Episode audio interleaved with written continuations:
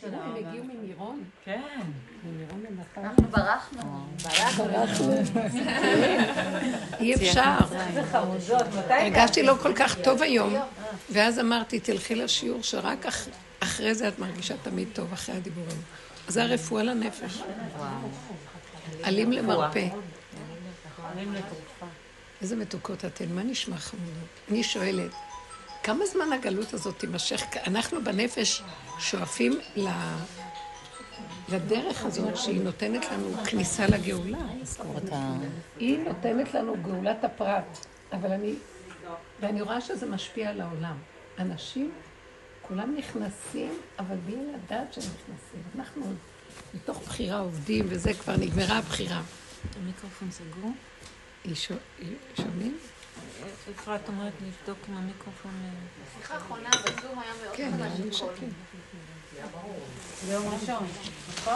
לא היה... הסברתי לו ואתמול לא שמעתי, אבל יום ראשון היה לי קשה, שמתי אוזניות. רגע, המיקרופון סגור. זה על רמקול זה קשה.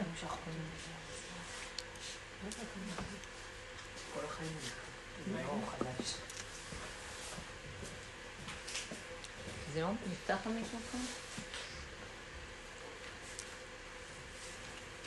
הדרך הזאת פתחה לנו את הפתח לגאולה, גאולת הפרט.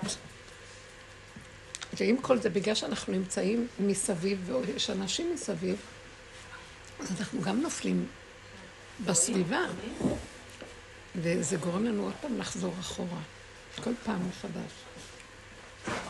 איזה כיף זה היה, מה זה הגאולה? אני חושבת על זה אלף פעם.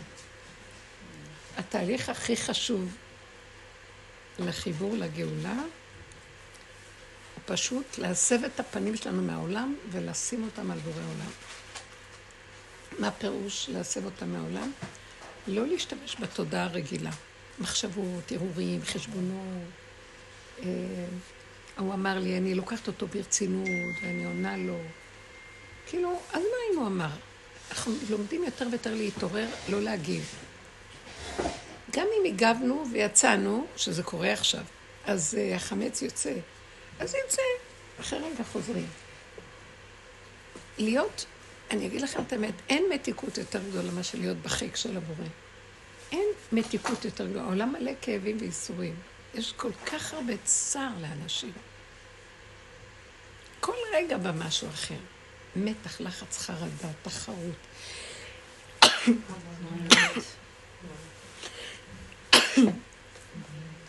קנאה, שנאה, מה לא? המידות, אני לא יכולה לעמוד בזה, אני לא עומדת בזה. כל פעם מחדש.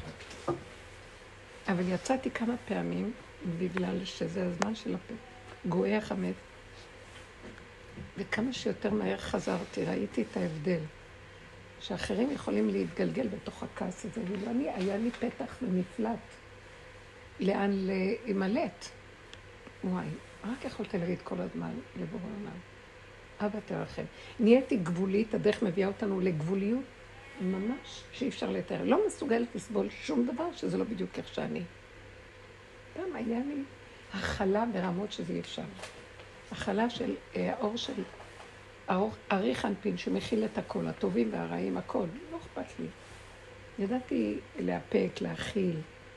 אני לא מסוגלת. ואז אני אומרת לעצמי, למה את יוצאת? אז מה קרה? כי לא יכולה. עכשיו, הוא אומר לי, זה בסדר שאת לא יכולה, תגיבי, תחזרי, וזהו. אחרי רגע הכל נעלם. הכל נהיה קטן, מצומצם, יש השלמה וקבלה מוחלטת של מה שאני. זה משהו מדהים, שאני אומרת, זה גאולה בפני עצמה. היה, היה רצוי שזה יהיה לפני שיצאתי, אבל גם זה גאולה, שנכנסתי לגיהנום ויצאתי ממנו לרגע. כתוב שהצדיקים נכנסים, אה, כשהם יוצאים מהעולם, הם עוברים דרך הגיהנום, להרים נשמות שבגיהנום. ואז לפעמים כשאנחנו כועסים או שמשהו לא הולך, כמו שהיא אומרת נפגשה עם איזה מישהו, אין לה כבר סבלנות להיפגש. וזה לא זה, זה מרגיז. אבל עצם המפגש כבר עשה משהו גם לצד השני. אנחנו כמו כלים של השם שמשתמש בנו, והוא לא שואל אותנו שאלות. אפילו אם כעסתי, כי ככה וזהו. נפלתי לקליפה של השני, כי ככה וזהו. אבל לקום מהר ולחזור. זה כל ההתאמנות. ובגלל שהעולם בחוץ לא נמצא במקום הזה, אז אנחנו בסכנה, כי אנחנו באים במגע עם העולם. אני יותר ויותר רואה שקשה לי לבוא במגע עם העולם. אני לא רוצה להיות עם אנשים. וגם אם אני אנשים, אז כאילו אני פסיבית בקטע של החברות או ב... אלא אם כן זה מהחברות. אבל ככה, תן את השני לדבר, כאילו מחליט, אני עושה מה שאני רוצה. לא אכפת לי כלום. והכל נראה בסדר. אני חיה את הרגע, הנשימה, לא, בהתקררות, התקררות. לא להידלק ולהאמין במה שקורה בחוץ. אפילו שנדלקתי לרגע, מהר לחזור. אז השאלה שלי שאני שואלת, למה בחוץ כל כך הרבה זמן הכל לוקח? מה? התשובות שאני מקבלת בדרך כלל, זה אומר לי, מה אכפת לך? תהיי בפנים.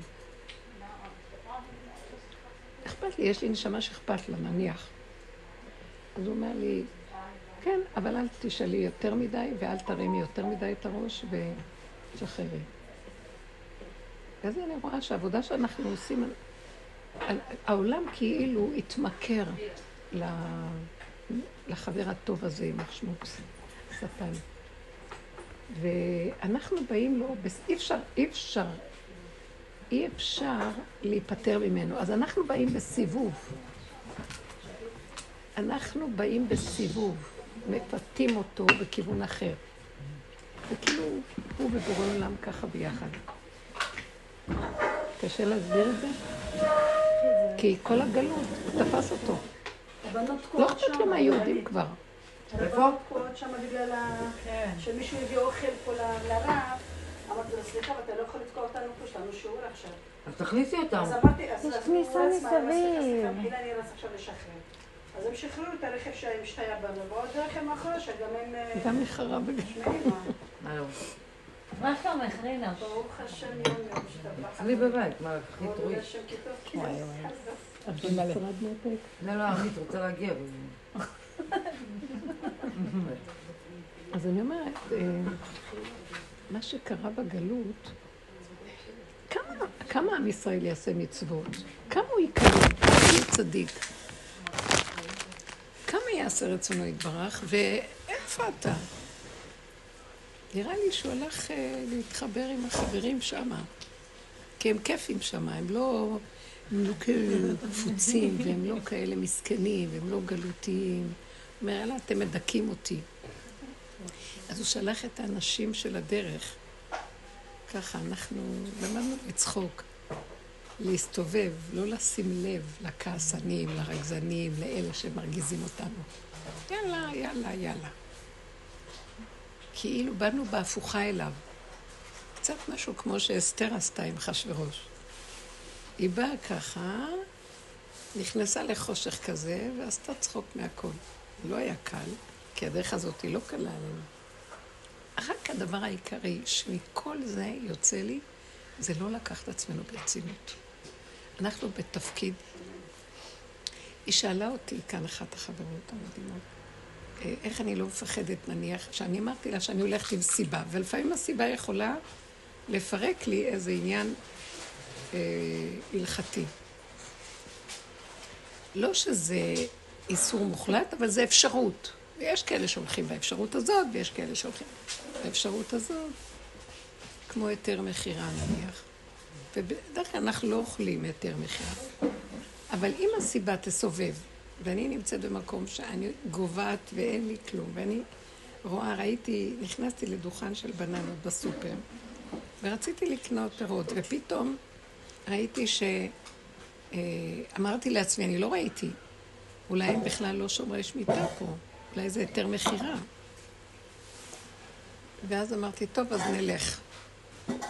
הייתי ליד דוכן התפוחים, ואחרי רגע העיניים שלי נפלו על הבננות, ולא יכולתי, לא יכולתי ללכת. בדיוק הרגשתי שזה הכי מנחם אותי עכשיו. זה רך ומתוק ונעים, ואין לי כוח, שום דבר קשה. ואז נמשכתי ואז אמרתי, אז מה ההבדל בין זה לזה?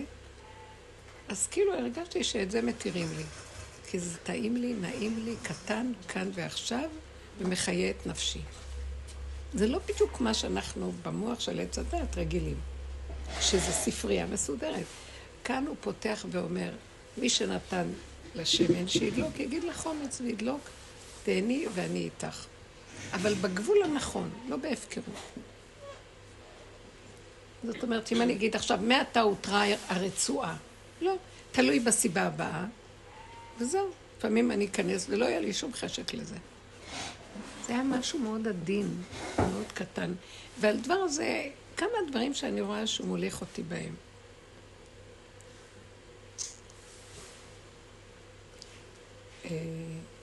זה שיעור כללי, אז אני מספרת את זה לכולם.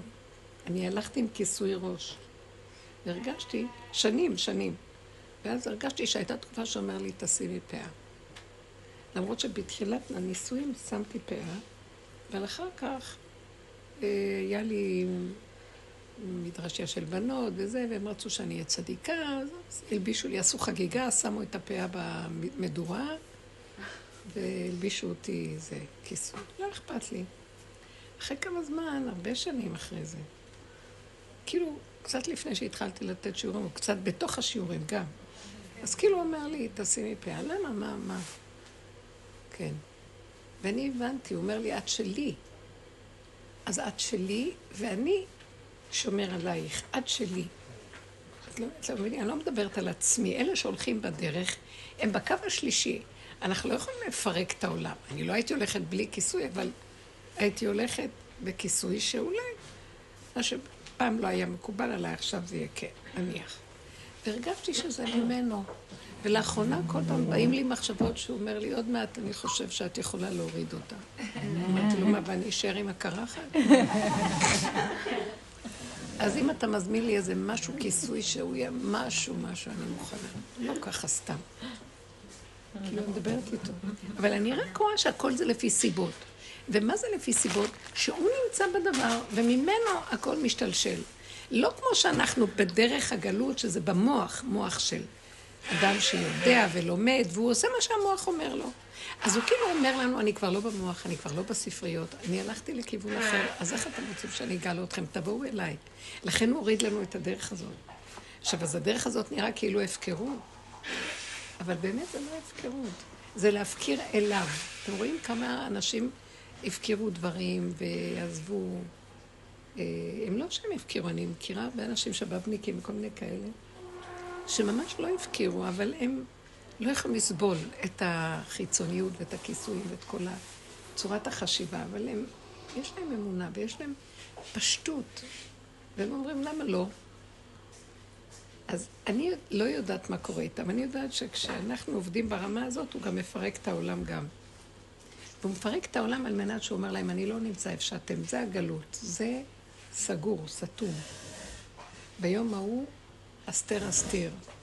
שהשערים נסגרים, שהיו בבית המקדש שערים, והשערים של מעלה היו פתוחים כנגד השערים של מטה. ברגע שנסגרו שעריה, נסגרו שעריה, אז גם למעלה נסגרו השערים, נפתחו החלונות. בגלות נסגרו החלונות, נפתחו חרכים, ובסוף גם החרכים ייסגרו. ואז הוא אומר, אני לא נמצא שם, כי זה תודעת עץ הדעת. אני רוצה שתבואו לתוואים, תרדו למטה, תרדו לאמת. אבל שם אנחנו יכולים לפרק כאילו את התורה, את ההלכה, זה מפחיד אותנו. לא, לא, לא. כאן זה תורה של שכל שאני לא נמצא, אני נמצא בה, אבל בהסתרה גדולה. וכאן זה בגילוי, ואני שומר עליכם. אבל אתם צריכים להיות איתי. וזה הכל לפי סיבות. אז מי בן אדם שיכול לבוא שמה לעשות? זה מסוכן. מי שהולך במוח של עץ הדת של העולם ואומר ככה, זה הפקרות, זה מסוכן. מי שמפרק את עץ הדת, והוא נשאר עם התוואים ויורד למטה, והוא נהיה לו חושך מהעולם. שמתם לב מה אני מדברת? אתם לא רואים את זה? אין לי כוח למוח בכלל. המוח שלי לא רוצה לחשוב בכלל. לא יכולה לפתוח ספר לקרוא. מעט שבמעט. הוא יותר ויותר במידות, במבשרי, בחוויה של הכאן ועכשיו, של הקיום. אז במקום הזה הוא מתגלה, ואומר עכשיו, אני, התורה היא שבעל פה היא מבשרי, היא בשורשים, היא למטה, בואו, אני אתגלה שמה.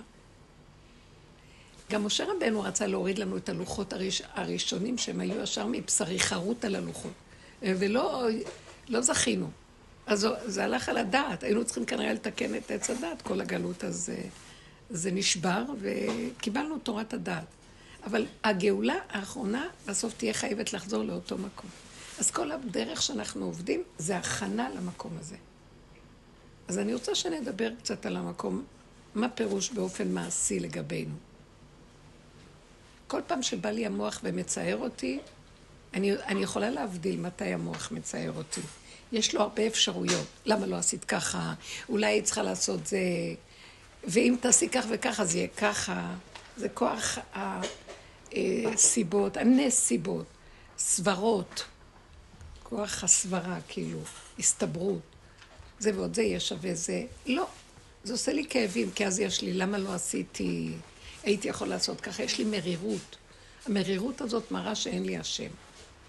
אולי עשיתי לא נכון. אנחנו, אסור לנו כבר להיות שם בשום פנים ואופן. אסור בתכלית האיסור. כי ככה וזהו. אם עשיתי ככה, אז ככה. הוא אומר, שם אני מתגלה. למה אתם מביאים אפשרות אחרת? כי אז אתם אומרים שיש מקום שאני נמצא ויש מקום שאני לא נמצא. נכון, בתודעת עץ הדת אני לא נמצא, אבל אתם רוצים להימצא במקום שאני נמצא? תודעת עץ הדת היא עץ החיים. אתם צריכים פשוט להפך את הפנים שלכם. זה, זה בענפים וזה בשורשים. בואו ניתן דוגמאות. אולי הרבנית לא בפעולות, בדימוי עצמי למשל. זה לא בא לך בפעולות, למה עשית ככה ולא עשית ככה. כן. אבל אתה מסתכל ואתה אומר, יואו, עכשיו אני פתאום רואה את עצמי מאוד שמנה. את מבינה? אז איך אני עושה, איך פה אני לא מציירת את עצמי, איך אני... אין פה הסתברות. לא רוצה להתחיל דיאטה. לא רוצה להתחיל דיאטה. קשה לי עם הדיאטה, אני נהנית מהאוכל. כן, אז את יכולה, זה מה שהוא אומר. בתודעה החדשה, קחי את המצוקה, תביאי אותה אליי. ותגידי לו, אבאלה, מה השארת פה בעולם? אנחנו נהנים מהאוכל, האוכל זה מה שנשאר. בהמות הייתי עמך. אה, אבוס, אה, חמור באבוס בעליו. ואנחנו נהנים מהאוכל. אבל כשאני מדברת איתו, ואם אנחנו עובדים עבודת צמצום במוח, לא לתת למוח להיפתח, אז גם לא נוכל לעבר לגבול. זה בדיוק מה שאמרתי לכם. אם אני אוכל את הבננה לא וגם. תפוח, לא. כן. הגבוליות. מצמצמת לי. ככה אני כן. בהפקרות ואוכלת. כן. כי זה לא. בא מהמרירות, זה בא מההפקרות כן. שלי, די, נמאס לי, כאשר עבדתי, כן. עבדתי. לא, זה לא בא משם. זהו. אז לכן אנחנו צריכים באיזשהו מקום, הדיבור הזה מתאים, אל תתבלבלו, זה נשמע נורא מה שאני אומרת. אני בעצם הופכת את כל אה, את כל ה- יסודות היהדות, כן, מה שהכרנו. אבל זה, מזה תבוא הגאולה. אוקיי. אתם רואים שזה קורה בעולם כבר. נכון. זה מה. שאמרו החכמים אה, במסכת כתובות, אני חושבת, דור חוצפה יסגה, בן קמבה. כל הסדר המסורתי מתבלבל. ונכנס דברים שהם לא בטבע. איך יכול להיות שיש כל כך הרבה רווקות היום ולא מתחתנות? איך יכול להיות שיש גרושים? המון גרושים גרושות. זה היה רצף הדורות, לא היה ככה. לא שאלו שאלות, לא כלום. כי נוגעים בנקודת האמת, ואדם לא יכול, הוא גבולי. הוא לא יכול, כשמתגלה האמת, הוא לא מסוגל לנקר את המציאות שלו באמת. ואם הוא ינקר, בנפשו הדבר. לא ייתנו לו. השם לא יסכים לו.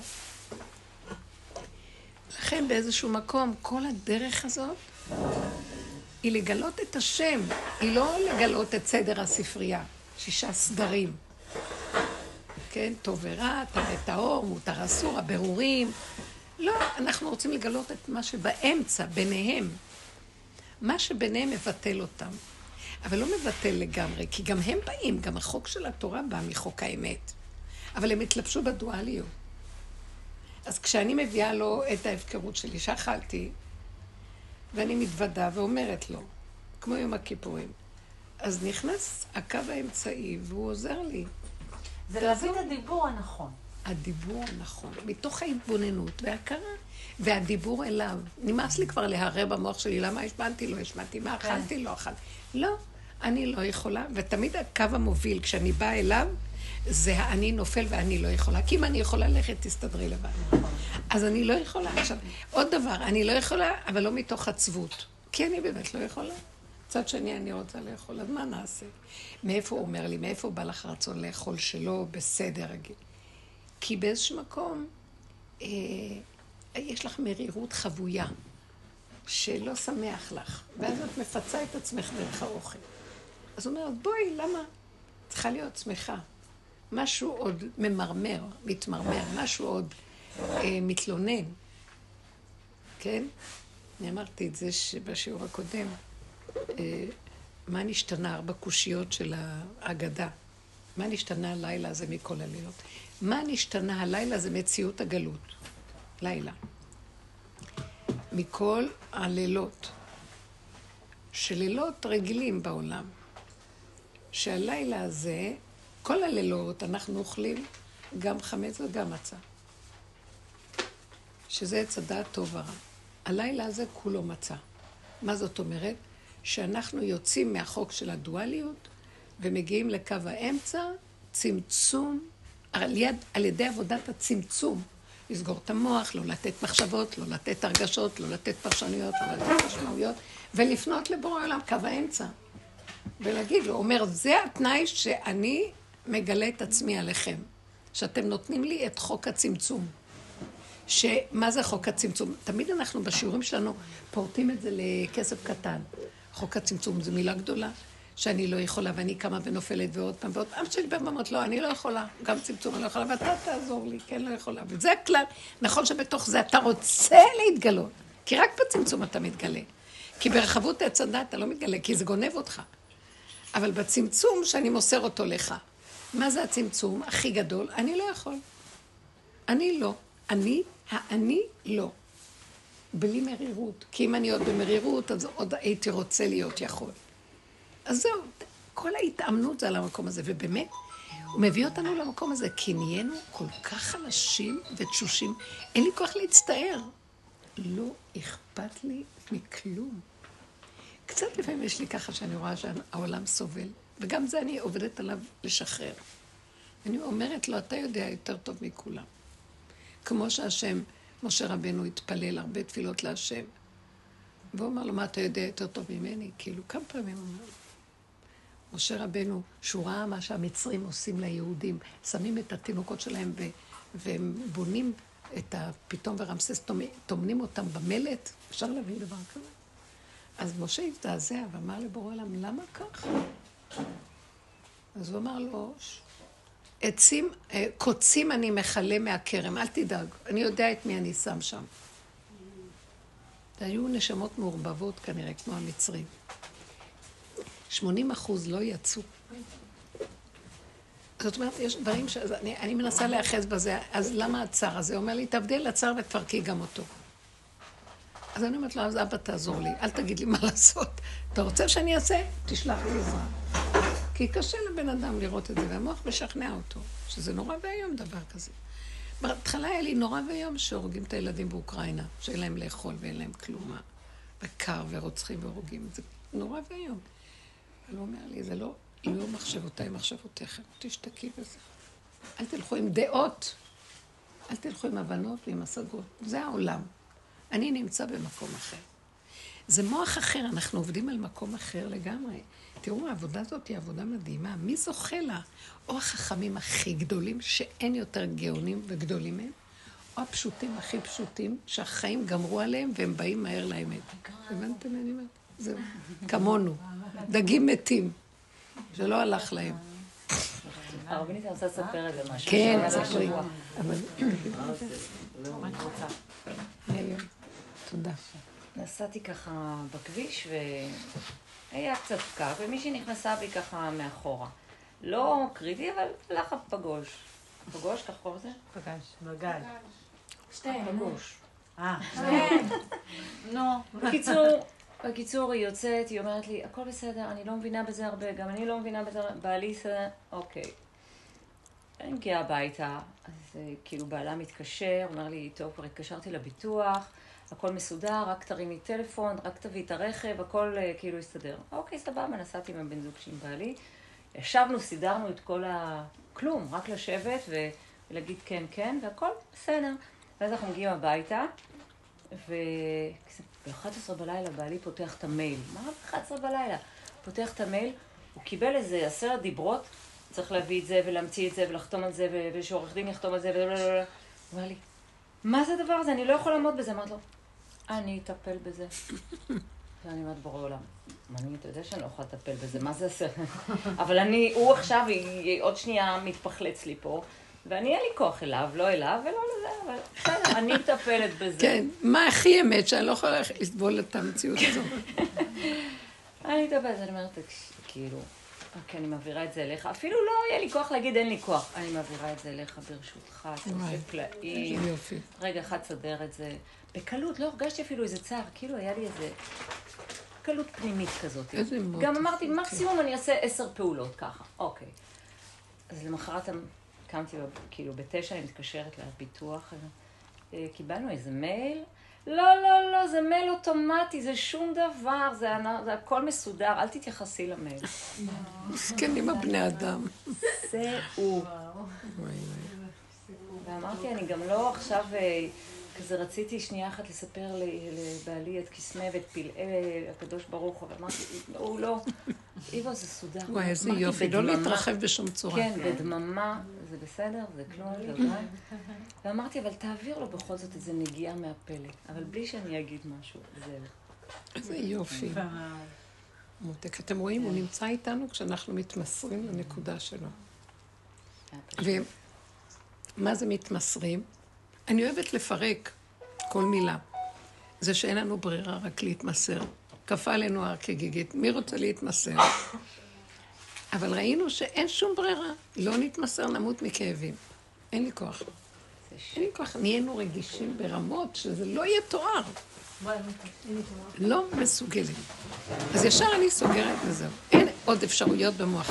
צריכים לעבוד על המוח שלא יהיה לו עוד אפשרויות. כן, אפילו לא נפתחו, כאילו ראיתי בזווית המחשבה איזה שבריר קטן של משהו שיכול להיפתח שאולי יעשה פעולות. אז אמרתי, אז יעשה פעולות. אבל לא, לא היה התרחבות, זה היה כזה טוב, זה אחרי כמה שיעורים שאני מקשיבה ברצף. זה לא ממני, כן.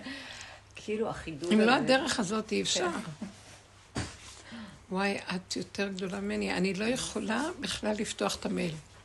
אז זה לא אני, הוא פתח. את פתחת. אני לא, הוא. אני מפחדת מכל דבר שיש בו חותמת ועולם, ו... כי איפה שאת לא נכנסת, תופסים אותך.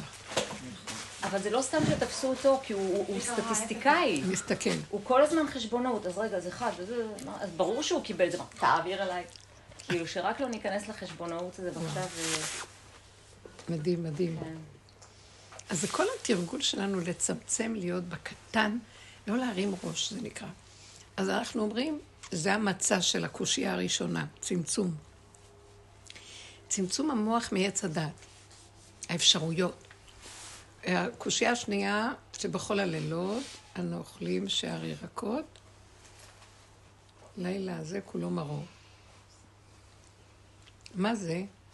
אמרתי ככה. ברגע, חשבתי לרגע, אמרתי, ברגע, אפילו לא חשבתי, זה בא לי. ברגע שאני מעבירה אליו, הולכת בדרך הזאת ומעבירה אליו את הנרגנות והמרירות של החיים, הוא לוקח את המרירות הזאת והוא עושה ממנה אור. מר אור, מרור. הוא עושה מזה אור. וואי, יפה. תני לי את כל המרירות של החיים, תגידי, זה גדול עליי, כי זה המוח של היללה, עץ הדת. למה לא ככה, ככה, אולי זה היה זה, אי אפשר להיכנס שם. זאת אומרת, תני לי את הצמצום, זה המצע. תני לי את המרירות, אני נכנס שם. אה, תני לי, בלילה הזה אנחנו אה, מסובין, כל לילה, בין יושבין בין מסובין. אומר לנו, אתם עבדים בתודעת עץ הדת, בואו אליי, אני עושה אתכם אדונים, אדונים דרכם להסב. אתם יושבים אצלי, מה אתם צריכים את העולם פה ואת כל הסערה שלו? בואו אצלי, תסבו, מה הכוונה תסבו? לכו עם הסיבה. תהיו אדונים. הסיבה שחררה אותי מהפחד, אני כן אעשה את זה, אני לא אעשה אני כן אקח יותר מחיר, אני לא יכולה כלום, אז הטבע קופץ מלמטה, לא הטבע. האמת היצרית הפשוטה. ואומרת לי, פיקוח נפש, לא שמתי בפה כלום היום, כלום, לא יכולתי. והבננה קרצה לי. אז אמרתי, למה אני, אולי את זה אני אומרת, תפוח לא, בננה כן. הלוא שניהם זה לא שייך להיתר, שייך להיתר. כי זה יצא מגדר אחר. משהו מבפנים קרץ לי. זה קשה להגיד את זה. אדם שעובד, אדם כזה, הוא לא אדם שהוא חי עם השכל של העולם, ואז הוא עושה, איך אתה יכול לעשות את זה? איך אתה יכול? זה מסוכן, או אתה יכול לעבור על עבירה. הוא עבר מעץ הדעת טוב לעץ הדעת רע, הוא עבר למקום של בעולם. תיקח עליי אחריות. למה נתת לי את הצורך הזה? וזה עכשיו הכי הקרין לי ושימח אותי. כל הדורות אנחנו מתגברים ולא נותנים, כי השכל הישר מוליך. אני לא יכולה להתגבר על כלום, אני גבולית ברמות שלא איתו, ואני לא יכולה להתגבר. הוא הביא אותי למקום הזה של הגבול. אם אני בגבול, שתתגלה עליי. כי אתה נמצא בצמצום, הגבול זה הצמצום. אין כלום. לך אגבל את העם על מנת לקבל את האור של התורה, במתן uh, תורה בהר סיני. לך אגבל את העם, תעשה אותם גבולים. הם ספרו 49 יום, צמצום אחר צמצום אחר צמצום, מלמעלה עד למטה, עד שנשארו כלום. תעמיד אותם גבול, שהם יהיו קטנים וגבוליים, פרושים מהעולם. זהו, ככה הוא מתגלה. אז אני עכשיו באה להגיד לנו, תקשיבו, עברנו הרבה, אנחנו שומעים הרבה, אנחנו צריכים גם לקחת התחייבות לכיוון. מה הכוונה לקחת התחייבות? להתעקש שאנחנו, הפנים שלנו יהיו מופנים אליו. אין לי כוח יותר לעולם. כל הזמן אליו. כל דבר שקורה לי, ישר אני נעצרת ומוסרת אליו. ואני אומרת לו, אני מדברת איתו. את הסימן שאלה שלי, את ה...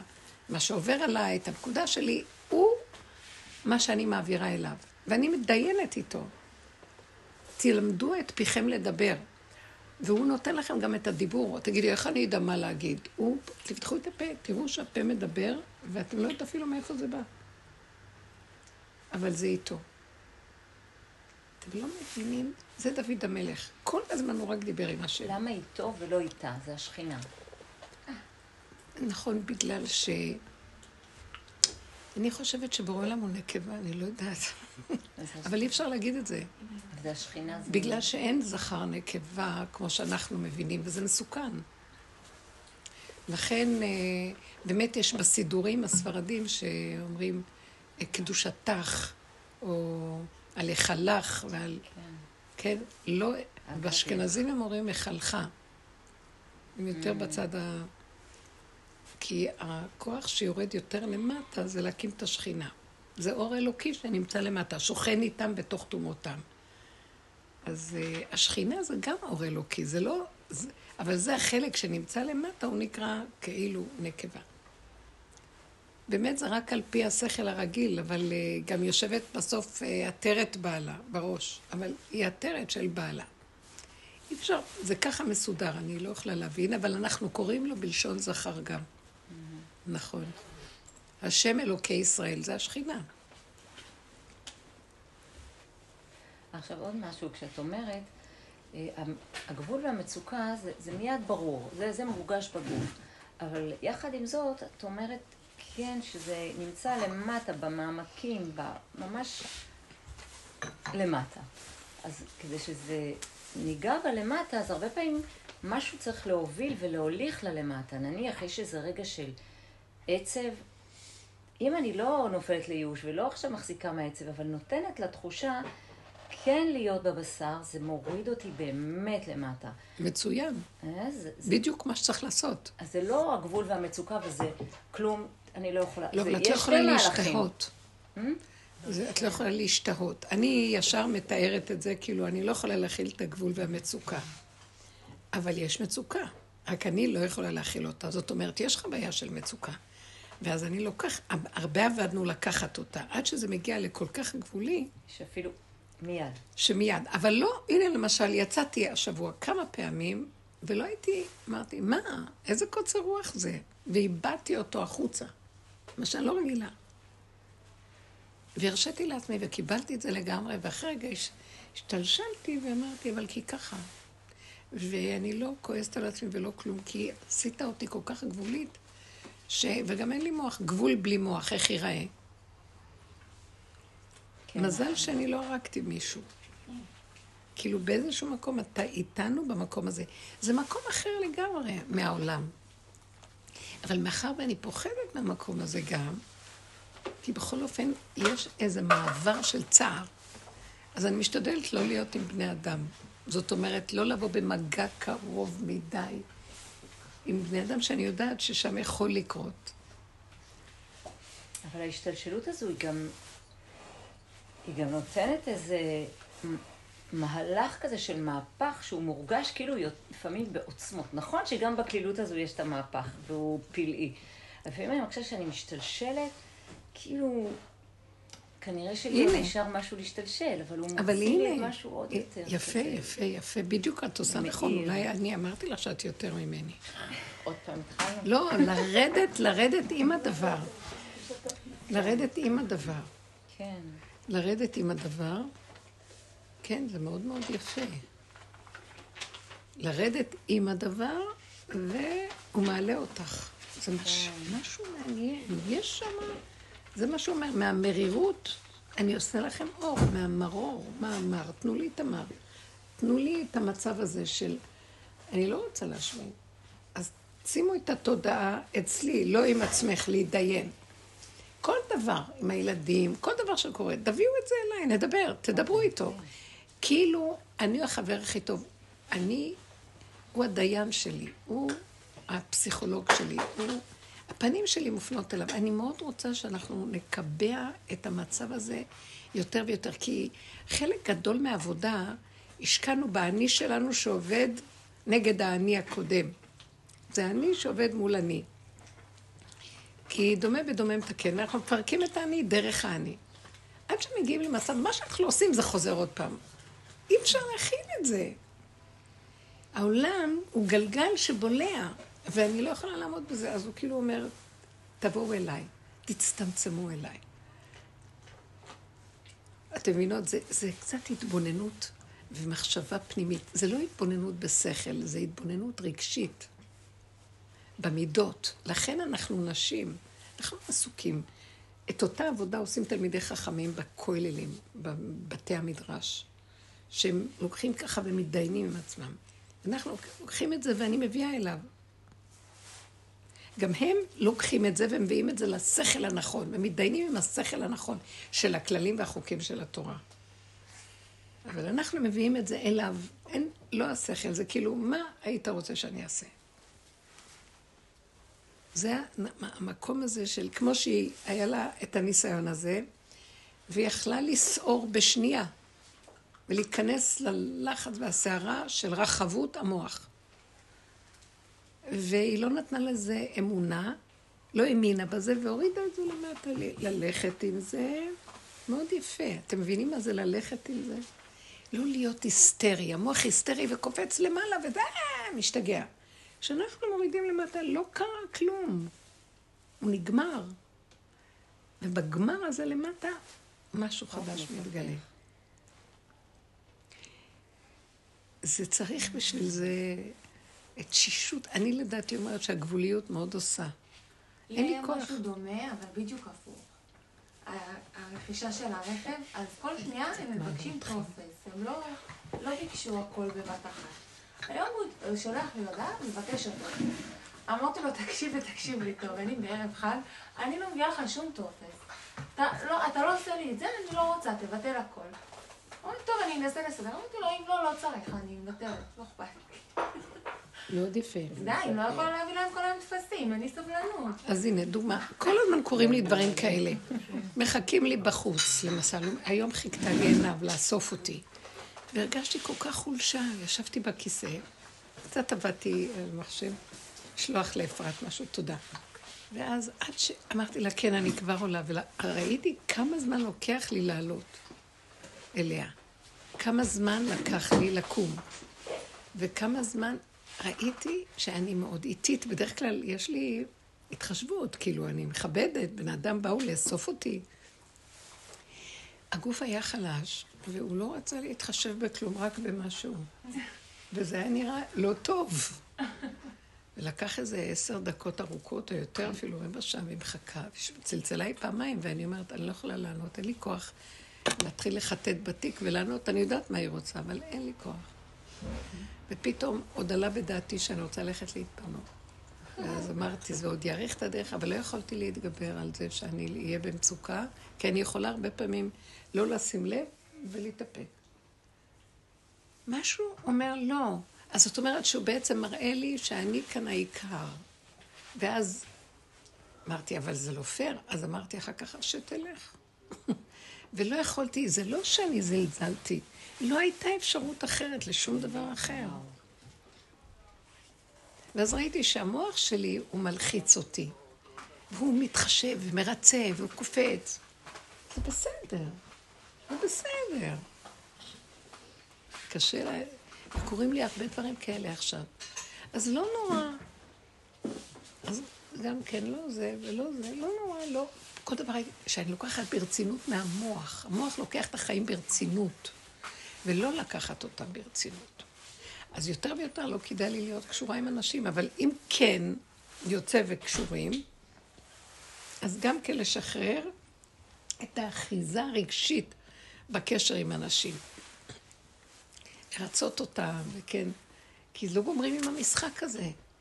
אה, למה זה טוב? זה לא טוב מול השני, זה לא טוב מול העולם, אבל זה טוב מול בורא עולם. שאני אומרת לו, אבא, הפניתי את הגב אליהם ואתה העיקר שלי. איפה אתה שוכן בתוכי? השוכן איתם בתוך. אתה בגבול שלי. ואם אתה צריך להתפנות, אז אתה, אתה בגוף הזה, יש צורך כזה, ככה סידרת. למה שאני אדחוק את זה בעד משהו אחר? עכשיו, לא כל דבר זה פינוק והפקרות, אבל יש דברים שהגבול יודע, זה מדהים כמה הוא אמיתי ויודע. אני מרגישה שאין ברירה, כאילו הגוף לוקח אותי. אני חושבת שאני הולכת לעשות משהו אחר, אבל הרגליים שלי הולכות למקום אחר. נכון. מאוד יפה. אתם רואות את זה? זה, אתם רואים? אז איפה הוא נמצא? בלמטה. הוא נמצא בלמטה. אז איפה נמצאת הגאולה? כולם חושבים, ניקח עוד מדרגה, עוד מדרגה, עוד מדרגה, ונגיע. לא. בגלל זה השם אומר, אין, לך, אין לי כלום מכם, עם ישראל. אתם כל הזמן רצים למדרגות ולהיות צדיקים וקדושים. בואו לרפש, בואו לטיט, בואו לבוץ, בואו, אני שם, בואו אליי. היה לי חלום עם מדרגות. למה? מה זה בואו אליי? השם הוא גם בשמיים וגם בארץ. אבל אם לא תביאו לי את השכינה שבארץ, אני לא יכול לבוא לכם מהשמיים. היא הכלי שדרכה אני מגלה את עצמותי עליכם. אז תביאו לי אותה. איפה היא נמצאת? בתוך התוואים, בתוך היסודות, בתוך האדמה, באדמת בשרנו. אני רוצה לספר עוד משהו קטן. אוקיי. חלום. מישהי רצתה גם כן. לשאול? אני רוצה להגיד משהו. אה, סליחה, זה? בסדר? את יודעת שמה שהם סיפרו, היה לי, כל השבוע היו לי כאלה, הופ, זה מתהפך, ואני אומרת, השם, אני רגילה לתוכניות מסודרות, וזה מאוד קשה לחיות, ב- אני משחררת לך, וזה הופ, כאילו, אתה מרגיש חוסר ודאות. כן. אז אמרתי, וואו, זה קשה לי ככה לחיות, נכון. כאילו, אבל אין לי, מות- אין. בדיוק, כאילו, אמרתי, אתה משנה לי את הס... בדיוק. כל אז אם אין היה ברירה, אה, אז זה מה יש. זה מה שמביא אותנו, חוסר ברירה. בעל כורכך. אנחנו, זה כן, אין, נדמה לך שיש לך ברירה. זה תודעה של עולם שנדמה לה שיש לה ברירה. ואם לא מסתדר לה הברירה, היא ממורמרת. בדיוק, מאוד. אז זה לא נקרא שיש לה ברירה. מבינה? אבל לה- לא מטלטל את הנפש, ההופ המתהפך, אני נותנת לך, אני רוצה, ואז אני מחכה שזה, כאילו, זה להיות בלי, אדמה. הפוך, שם- שם צונחים באדמה, אין לך אחיזה באוויר. תרדי לאדמה. אני זוכרת שפעם היה לי חלום, כן, את מרחפת. כולנו מרחפים בתוכנית הזאת של המוח. לא. ממש. תוכנית של העולם, זו תוכנית עץ הדת. אה, פעם היה לי איזה חלום, שאני... שאני, ב... שאני בתוך מטוס, ואני בפתח של המטוס, ואני יודעת שאני צריכה לרדת. הדלת פתוחה, ואני צריכה לרדת לאוויר, כמו צנחן, בלי מצנח. ואז היה לי פחד. פחד מאוד מאוד גדול. אני מאוד מאוד, ב- אני מאוד, פחד הנטישה גומר עליי. כולנו, תיגעו בכל הפגמים שישנם מקדמת דנא, מאיפה אנחנו בכלל מתנהגים ככה. זה, זה מילדות, מדורות קודמים, מהכל. ואז אה, או שדחפו אותי או שאני יצאתי לבד, ואמרתי, אין לך ברירה, את חייבת לצאת. ויצאתי לאוויר. אני זוכרת את החלום הזה, שאני זוכרת פה את האוויר, אני עד היום זוכרת את החוויה של הרוח של האוויר על ה... לחיים שלי. זה לא היה סתם חלום, זה היה כמו חוויה אסטרלית כזאת. עכשיו, אני מסתובבת, מסתובבת באוויר ומסתובבת, מסתובבת, ואני אומרת לעצמי, לאן אני הולכת להגיע? ואיך אני אנחת? אני מתרסקת על המקום. ואז, קצת לפני שהגעתי לקרקע, פתאום מהצד באה כרית יפייפיה גדולה, כרית גדולה, יפה, ו- ונכנסה מתחת, על- מתחת לרגליים. ואז ראיתי שהוא אומר לי, אני מחזיק אותך, את תצנחי למקום רך. רואה איך את מתקדמת?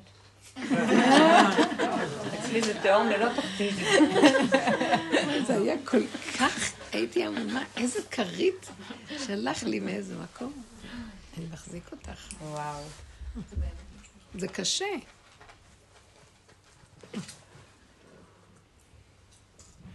כן. קודם הרבנית אמרה לשחרר. כל הזמן הרבנית אומרת לשחרר. אבל אה, היה לי סיטואציה ביום שישי, מקרה שאני אומרת, כל כך ישן להתרגש ממנו, והיה לי סערה, ככה ריגוש מאוד גדול. והלכתי וחזרתי, וכל רגע אני מנסה לבשל, רואה את הסדר, מדברת עם הקדוש ברוך הוא ומעלה את זה עוד פעם.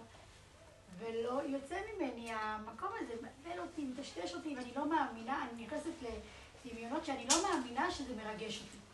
עוד הפעם ועוד הפעם ועוד הפעם. ואני מדברת עם עתיד, תשחררי, תשחררי, ואפילו אני מדברת בקול.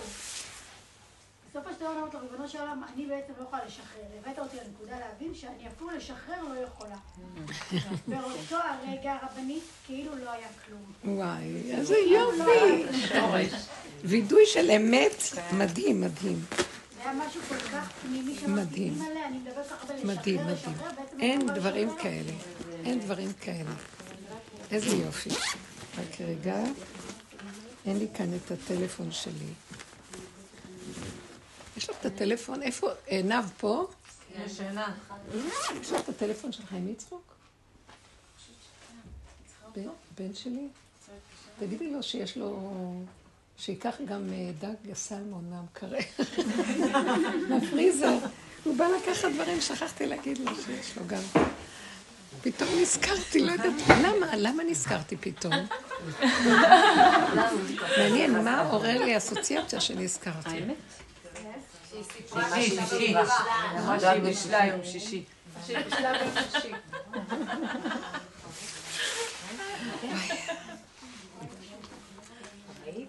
אז השם הזכיר לי, את רואה? כי הוא יבוא, הוא בא מחוץ לעיר, הוא ייקח את כל הדברים הקפואים, ויש גם בצד עוד משהו, וחבל להם.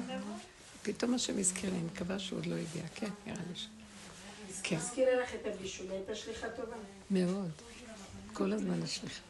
לפעמים את רוצה לשתף את, את מדברת עם בורא עולם, ואז פתאום יוצא שאת משתפת מישהו. גם אפשרי. לא. הם לא מבינים.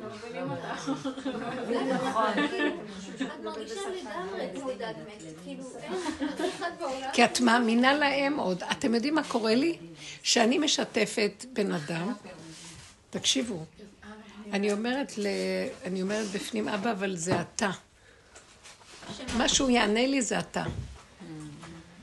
את מבינה מה אני אומרת? את נותנת לו אמון. בסדר? הוא- הצליח? תודה. תודה לך. זאת אומרת שאני, בואי תראי, גם עכשיו, כל פעם, בואו תראו, נכון שאני אומרת לכם שהעולם מפחיד אותי, אז אני משתדלת להימנע. אבל אם, אני השתדלתי להימנע, ואם בכל אופן השם סובב לי מצב שאני כן שואלת בן אדם, ואני כן זה, בואו, הנה זה שוב פעם אותה נקודה שאני רוצה להגיד לכם. בואו נשים על ליבנו שזה הכל בורא עולם. מה שהוא יגיד לי זה גם בורא עולם. אולי עצם זה שהוא מראה לי שהוא לא מבין אותי, זה רק עוד פעם מראה לי שאני שוב פעם צריכה לשלוח את זה לבורא עולם בדיוק, הדרגות, יש דרגות שונות של עבודה. איך את רואה שהוא לא מבין אותך? את רוצה תשובה שאת רוצה. אולי מה שהוא אומר לך זה תשובה שהשם שולח. הרבה פעמים אנחנו כועסים על אנשים, לא, זה לא שליח טוב בשבילי. ככה אנחנו חיים. כי המוח שלנו כל הזמן מקטלג, מסדר ויודע בדיוק מה, זה לא בורא עולם. כשאני מפרק את הכל, ונשארתי כאילו ריק כזה, ואני מתהלך, בעל כורחי, אני מדברת, פתאום בא משהו, ואני אומרת, ואפילו, תלמדו, אנחנו חייבים, בואו, אני רוצה להעביר מסר שהוא שם לי חזק, חייבים להתחיל להתעמל, לא רק להתחיל, להיכנס באימון שהכל זהו. למסור לו את החיים. אנחנו מזגזגים, כי העולם משפיע עלינו. והוא נמצא במקום שאנחנו נותנים לו את החיות ואת הממשות ואת ה, את הכל. כמה שרק אפשר. נפלתי, עוד פעם קמתי. איך אני יודעת שנפלתי? אני מתרגז על הבן אדם. אז אני חוזר ואומר, לא יכולתי אחרת, וזהו, נתתי לו ממשות. והרבה פעמים כשאני חוזרת ומתבוננת, אני אומרת, וואי, זה בורא עולם אמר לך ככה, ואת לא שמה לב.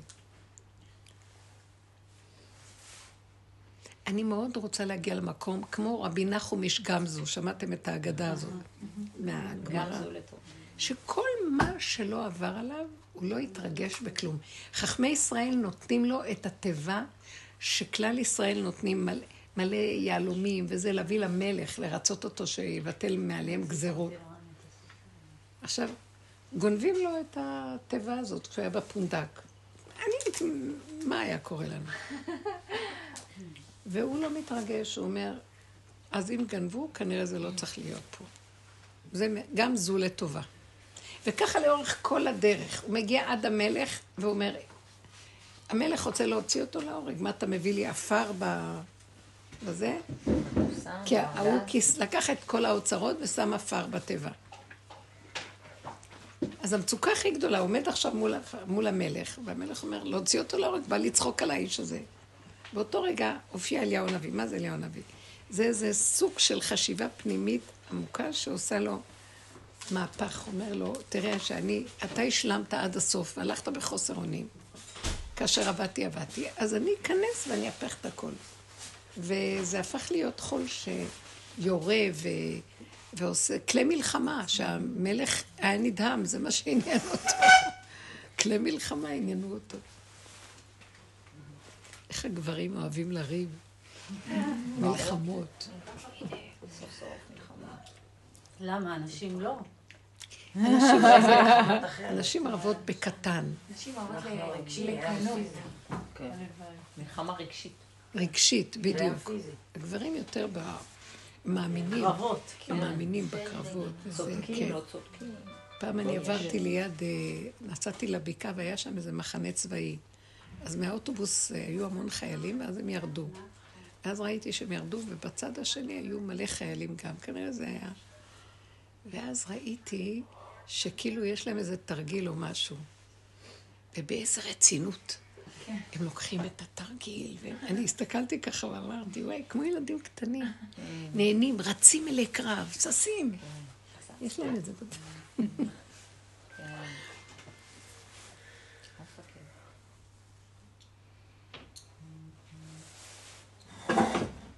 אני לא רוצה להגיד. זה טבע העולם פשוט. אנחנו נביא את השלום לעולם, נביא את המהפך על ידי זה שניכנע, נרד ונתקלל עם מה שיש שלא אכפת לנו בעולם.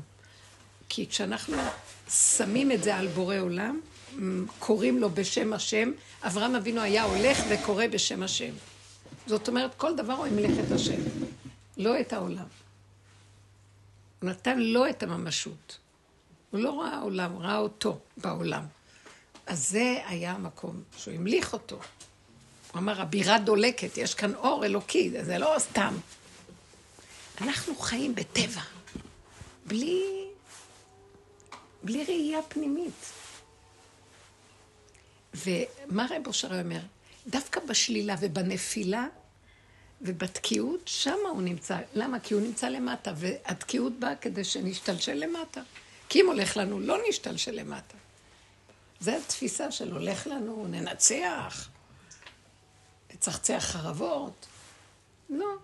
הכנעה, התמעטות, קטנות, צמצום. אבל לא סתם, כי זה מביא דיכאון, מי צריך? אבל אליו. כי אני יודע, אני מוכן להצטמצם אליו כדי לקבל שמחה וחיות ממקום אחר שאני לא מצליח להשיג אותה במקום. אז למה שאני לא אביא את זה אליו? אתם מבינים? יש שכרו בצידו. אז אני אמור לשאוף לתקיעות. לשאוף? לתקיעות? ל? תקיעות, כדי שהוא יתגלה. את יכולה, את יכולה, את יכולה, זה דרגה, דוד המלך היה אומר, העיר השחר, הוא היה מעורר את השחר. הוא היה מחפש כאלה הזדמנויות של ביזיונות וחרפות, כי הוא ראה ששם יש אור גדול. אבל אנחנו דיינו אם אנחנו לא נבעט בהם ונברח. אבל יש איזה מקום שאנחנו, הייתה לי תקופה שראיתי, וואי, איזה אור ראיתי בפגם, שרק חיפשתי פגמים, אבל זה התנדף. כן. במקום שעכשיו רואים פגם נשברים ובורחים. לא, לא, לא. לא. כי זה שובר, נכון? מה? תגידי. אין כוח. אין כוח להכיל, אז... כן, אז... לא צריך עוד פעם ועוד פעם. לא, כי המוח שלך אומר עוד פעם ועוד פעם, אז תרפי. אם אני רואה שעוד פעם ועוד פעם, אז אני אומרת, אני לא רוצה את התקיעות. אז זה, זה לא הנתון שמביאים לי, זה הפרשנות של המוח. אז תפרקי את הפרשנות. הבנת? כי זה לא תלוי בנתונים, זה תלוי במוח שמפרש את הדברים, שחושב ככה. הוא אומר, מה, עוד פעם? כאילו, אחד ועוד אחד, הוא מחשבן. פרקי את המוח שמחשבן, תקבלי את זה איך שזה ככה וזהו. מאוד מאוד עוזר לי. עוזר לי מאוד מאוד. כן, כי אני לא יכולה להכיל. עכשיו היא אומרת, כן, ואם זה בא, אז נלך עם זה למטה. בלי לרצות לבעוט ולברוח. זה מאוד יפה, אם יכולים לעשות את זה ולהשתלשל עם זה למטה, ובכלל הדבר הכי גדול, כמו שהיא אמרה, ככה. משם מתגלה משהו. אז בגלל זה הוא אומר, תנו לי את המר שלכם, אני נותן לכם אור. תנו לי את הצמצום, כולו מצה, כולו מרור. גם התמר זה אותו דבר, תנו לי את המר. תנו לי את המר. אז תם המר. איזה מתוק זה נהיה. כן, יש כל כך הרבה דברים בתוך כל הסיפור הזה. אבל זה בדיוק הפוך, אתם יודעים, זה דרך הפוכה מהעולם. ורק בסוף היא תתגלה, והיא גאונית. כי היא גאונית, היא לא כמו המוח. מי... המוח רגיל על אור, על אה, גובה, על יכולות, על זה. מי... למה שיעזבו וירדו למטה? דוד המלך היה מאיר את השחר. השחר הוא החושך הכי גדול, לפני האור של הבוקר. שחר מלשון שחרות.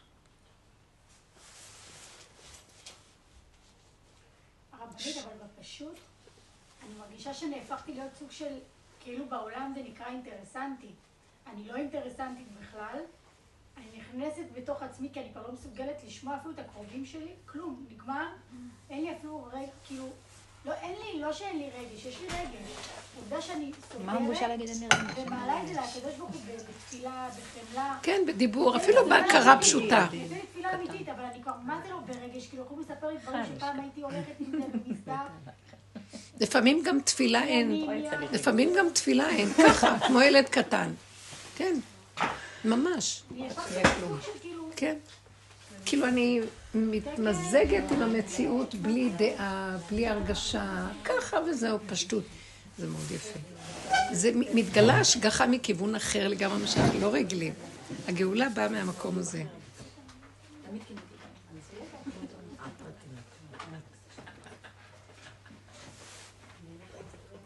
בליל הסדר הוא חושך מאוד מאוד מאוד גדול, שמתוך החושך בא האור. באמת? בליל הסדר כן. יש חושך מאוד גדול?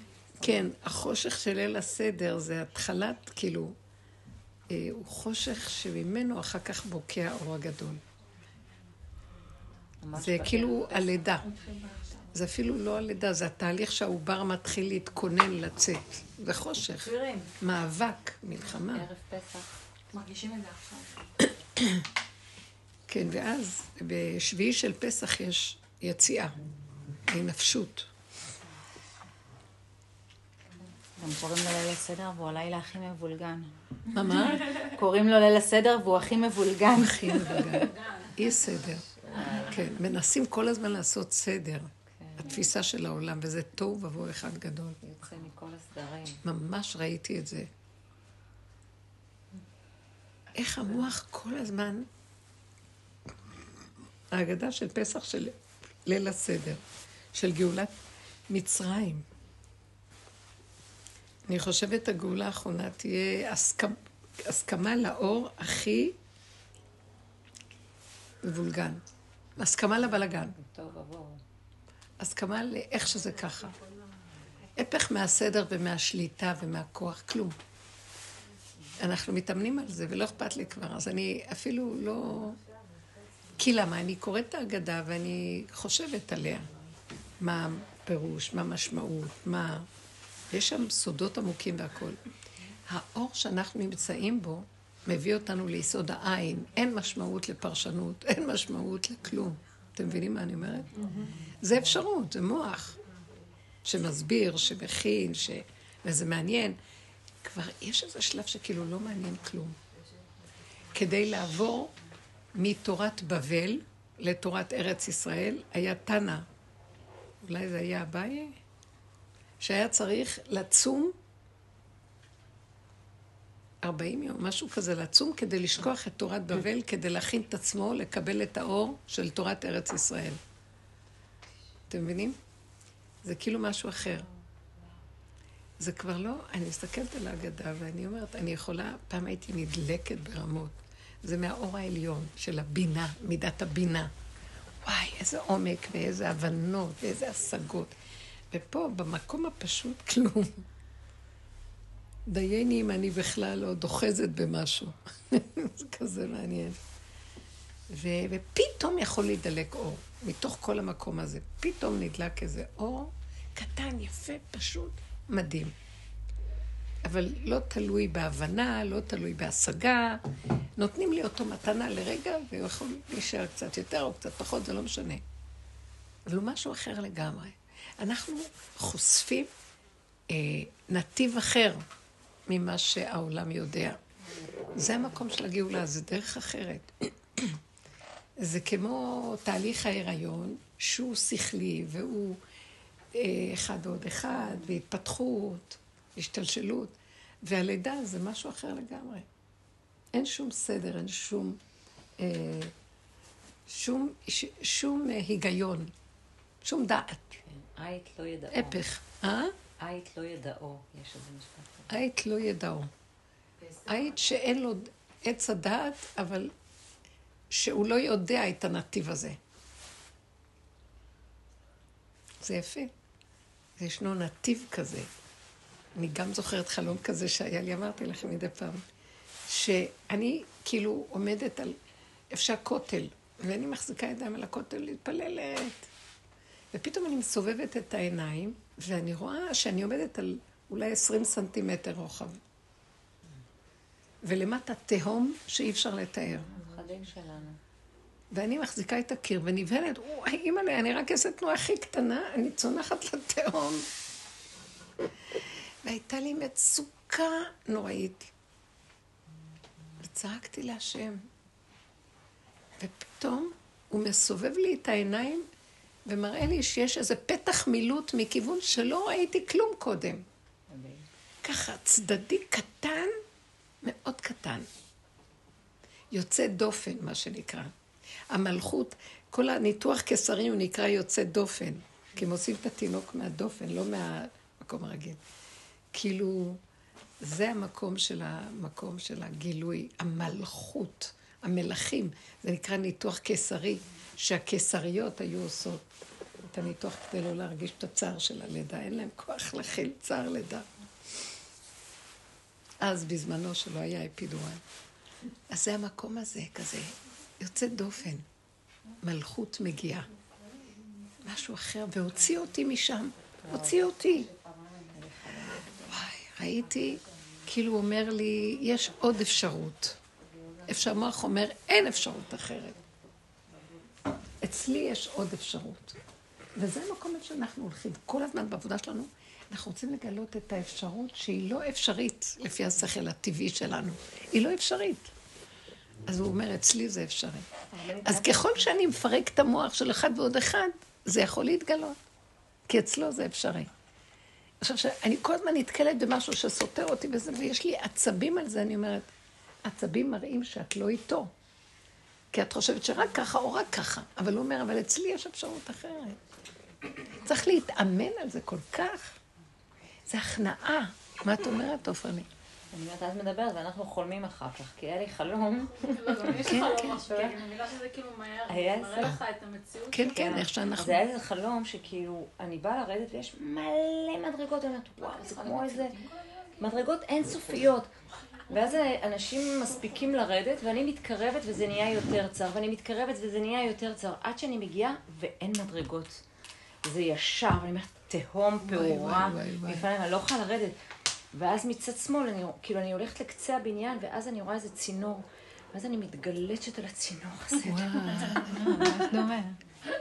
איזה יופי. זה הזכיר את החלום הזה. כן, כן. זה חלום אחד.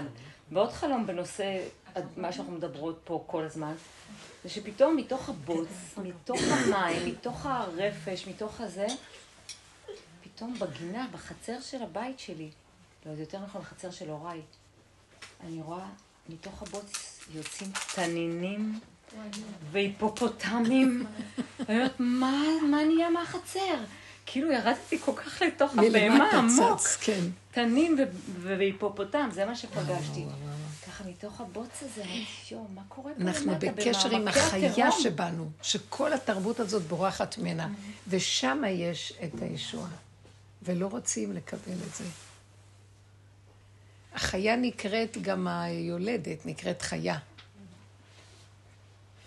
החיה נקראת יולדת. וגם אה, חכם נקראת היולדת, כי החכם שרואה את הנולד, המיילדת נקראת. זה, זה מאוד יפה לראות את זה.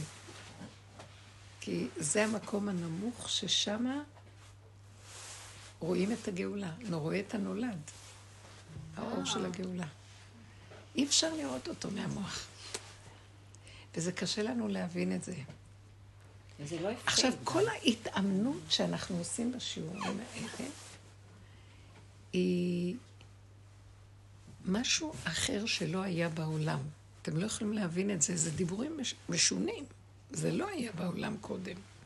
לא הלכנו בדרך הזאת.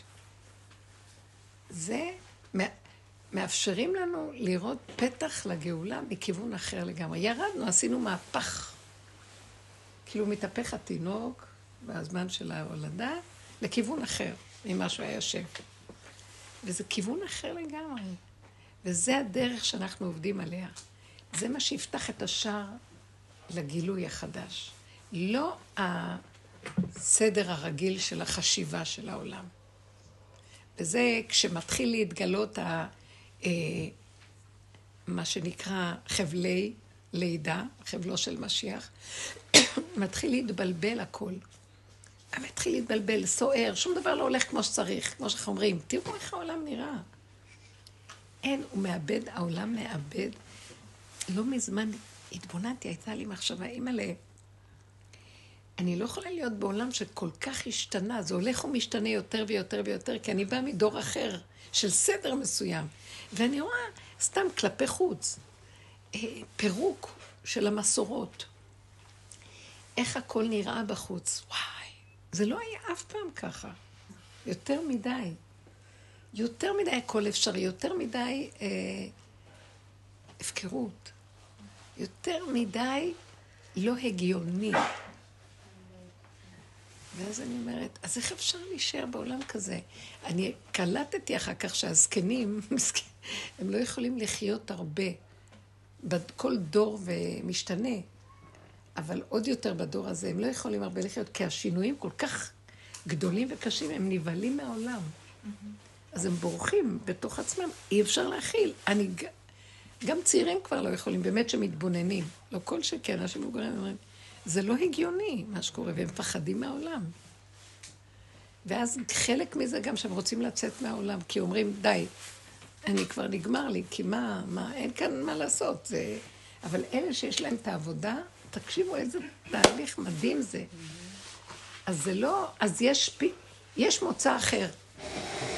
יש מוצא אחר, שלא חייבים בשביל זה ללכת, כי יש לנו נתיב להימלט אליו מכיוון אחר לגמרי, של התחדשות, של אור אחר, של מקום אחר. זה כזה מתנה. אבל אני רואה שאני מדברת, גם לא תמיד כולם מבינים מה אני אומרת, או אולי לא כולם חווים. מה זה המתנה? להסכים לאיך שזה ככה, ולא להתבלבל עם הדבר והיפוכו. זה היסוד של כל הסיפור. אז רגע, אני יכולה לספר חלום? נראה לי שאת בעצם... אפשר? אה, תביאו חלומות, כן, לא, זה כי טוב. אני לא הבנתי, קודם אמרתי, איזה חלום? זה דבר והיפוכו, כאילו לקבל את הדבר והיפוכו. כן. אז היו לי שתי חלומות כאלה על הרבי. בחלום הראשון אני הבנתי, בחלום השני הוא היה עוד יותר מוקצן. בחלום הראשון זה שאני על ג'יפ, אין לי רישיון נהיגה, אני בארצות הברית על הר, ואני, ויש סופה, ואני אומרת, ואז אני קולטת שאין לי רישיון נהיגה ויש סופה, ו- ואני צריכה לנסוע, אני צריכה להגיע לילד שלי, משהו כזה. ואני אומרת, מה זה, איך אני אסע? וכולי מפחדת, ואז אני רואה את הרבי, הרבי אומר לי, תיסעי, עושה ככה עם היד. אני, הרבי מלובביץ', אני חכמתית. אז אמרתי, אוקיי, עם הרבי אומר, אני נוסעת, אני נוסעת בסופה, ואני מגיעה לתוך אולם, יש שם דתיים וחילונים, והם אה, מחכים לגאולה. אמרתי, אה, אוקיי. הבנתי את החלום, אבל באמת היה בחלום הזה הרבה... תהפוכות. הרבה תהפוכות, היה קשה להכיל אותו, אבל הבנתי שאחרי כמה שנים חלמתי חלום, אבל עוד יותר קשה, אבל ממש בסגנון שאני לא יכולה להכיל אותו. אבל כנראה לי שזה מה, שאת מדבר, זה מה שמדברים. אני נמצאת גם בארצות הברית. זה מצלת בי, כן. אמ, ויש הרבה חסידי חב"ד, ואני פוגשת את סבתא שלי שנפטרה, קוראים לה נחמה. ואני ממש שמחה לראות אותה, ומתכוננים לאיזה חג, ואני מה זה שמחה, ואני מה זה כיף לי להיות בסבן סט, כאילו, ב... וזה כמו, כמו בני ברק, הרחוב היהודי שם. ואני מה זה, מה זה, רוצה, מה זה בא לי להיות, ואז הרבי יוצא, הוא מדבר עם סבתא שלי, ואז הוא עושה לי ככה, את הולכת לשם. כאילו מראה לי את. זה. ואז אני, ואז זה קשה לי, קשה לי להיפרד מכל השמחה, אני הולכת בדרך, ואז אני פוגשת אישה חרדית אה, עם, אה, לא יודעת, עם הכובעים האלה, שהיא בהיריון, שהיא צריכה, והיא יולדת בדרך. ואז אני מיילדת אותה.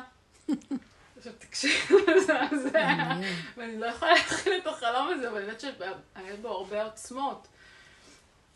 ואז היא יולדת, והיא יולדת, ואז הגוף של התינוק יוצא מת. ואז בסוף יוצא הראש חי. והם לא מחוברים. ואני אומרת לעצמי, מה זה, אבל איך זה יכול להיות? אבל הראש חי, העיניים זזות. וזהו, נגמר החלום, אני לא יכולה להכיל, כאילו, ואני אומרת מה שהוא רוצה ממני. אבל ממש ראיתי את זה בחלום, שהגוף, ויוצא החלק התחתון, לא חי, אין דם, והראש יוצא חי. כן. ואני אומרת לעצמי, מה, ולזה הרבי שלח אותי? למה לא נשארתי שם? למה, למה, מה, שזה, את צריכה לעבור את? תהליך הגאולה. הוא שלח אותך למקום, הוא שלח אותך אלינו. למקום הזה שצריכה לעבור את התהליכים כדי להגיע למקום הזה, וזה תהליכי ההולדה. והגוף, כאילו כאן בחלום היה שם, שם האור הזה נמצא, אבל הוא לא מחובר עדיין, כאילו אין חיבור בין שניהם. להחיות את הגוף ולהעמיד את הראש. להחיות את הגוף ולהעמיד את הראש? במקרה, במ- במקרה זה לא משנה, כאילו זה לא משנה. גם הראש, זה לא הראש הרגיל שמה. לא, לא ראש רגיל, כאילו לא, זה לא ראש רגיל, זה ראש- כן. ראש חי, ואת רואה את, כאילו, אפילו רואה את ה... נכון שיש דם, כן, זה. יכול להיות גם הראש של הגאולה. שזה מה? ראש הגאולה. ראש הגאולה? בסדר, כן, יכול להיות. זה גם כן, אנחנו עובדים לפרק את המהלך כדי לעורר את הראש הגדול. יש קראו לו הראש, יש ניתוק. רציני, צריך לחבר בין החלקים. איך? יש ניתוק רציני בין המוח לגוף. יש ניתוק. רציני מאוד. ועכשיו אי אפשר לחבר ביניהם עד שלא מפרקים. אה, שלום. כן, בטח. אז זה החלום היה לא. איזה חלומות יפים. הנפש מדברת. מדברת אלינו, כן. אז איך אתן עם הפסח? סיימתי סיימתי. לך, התעוררו, אני אמרתי, אגף השם- התעורר. תראי, יושע לוקחת אותך באוזן אליה. השם, אני לא מנקה אתה מנקה, אני שמה את רבנית אוש כן. באוזניים, כן. ואני ככה, ובאמת יושבת ונהנית, וכל פעם פינה קטנה ונחת צהריים, וכמה ועוד עוד פינה, ופתאום אני רואה שזה הסתיים, איכשהו זה הסתיים בדיוק, הרבנית. אוש באוזניים. כן. מאוד יפה. אני, אני ראיתי דבר אחד שהוא גם כן, הוא פועל דרכנו מאוד. ממש פועל דרכנו. לא הרגשתי את הפעולות, אבל דבר אחד אני חייבת לשתף אתכם. הרגשתי שאני עוברת את הגבול שהוא התיר לי. כלומר, הוא, פעל דרכי והיה מדהים. עד שפתאום נכנסתי ללחץ, שאני רוצה עוד קצת, עוד קצת, עוד קצת, והכנסתי עוד קצת דברים שלא היה צריך להכניס, ואז שם הוא נתן לי פליק. ופעמיים זה קרה לי. כשעברתי את הגבול, הוא אומר לי, ככה, בגדת בי, ועברת את הגבול, כי הלכתי על הרצון שלי לשלוט, ושכבר יהיה גמור. ואיבדתי, אה, כאילו, הוא נתן לי מכה. התמוטטתי מהמכה שהוא נתן לי. הוא אומר לי, תדעי לך, אני מקפיד עליך. אם אתם לא תיכנסו בעבודה ברמה של הכנעה לגבול, אני נוגע בכם. כן, הנה, כמו שנגעו בי עם הרכב. ממש, זה קרה לי פעמיים. אבל זה בדקות. משהו שאני לא יכולה להבין אבל את זה זה. מעצבן, כי אתה רוצה כאילו לסיים. אתה רוצה. לסיים, ועוד משהו קטן, הוא אומר, לא, תשאירי את זה ככה ולכי. אז מאוד הצלחתי לעשות את זה בהתחלה, והיה ממש יומיים האחרונים שלא הצלחתי, ואז יצא ממני מלא כעס, ואז התחלתי לצרוח, אמרתי לו, מה אתה רוצה? כאילו, בימים האחרונים כל כך הצלחתי לעבוד את זה. כן, כן, כי עברנו את הגבול. גם כל העניין הזה, כן הוא עובד דרכנו, אבל יש איזה גבול שאנחנו לא יכולים לדחוק אותו. כן. זה בא מהתוואים שעוד רוצים שליטה וכוח ורוצים, זה האש של הטבע, שרוצה לגמור ושליטה ונקי. כי. אמרתי, מחר, הייתה אצלי מישהי שעזרה לי, אמרתי, מחר כבר לא תהיה, אז בוא ננצל את זה. והייתי צריכה ללכת אה, ככה, ולהרפות. וזהו, אבל אין הייתי צריכה, זה לימד אותי לקח גדול מאוד. כן.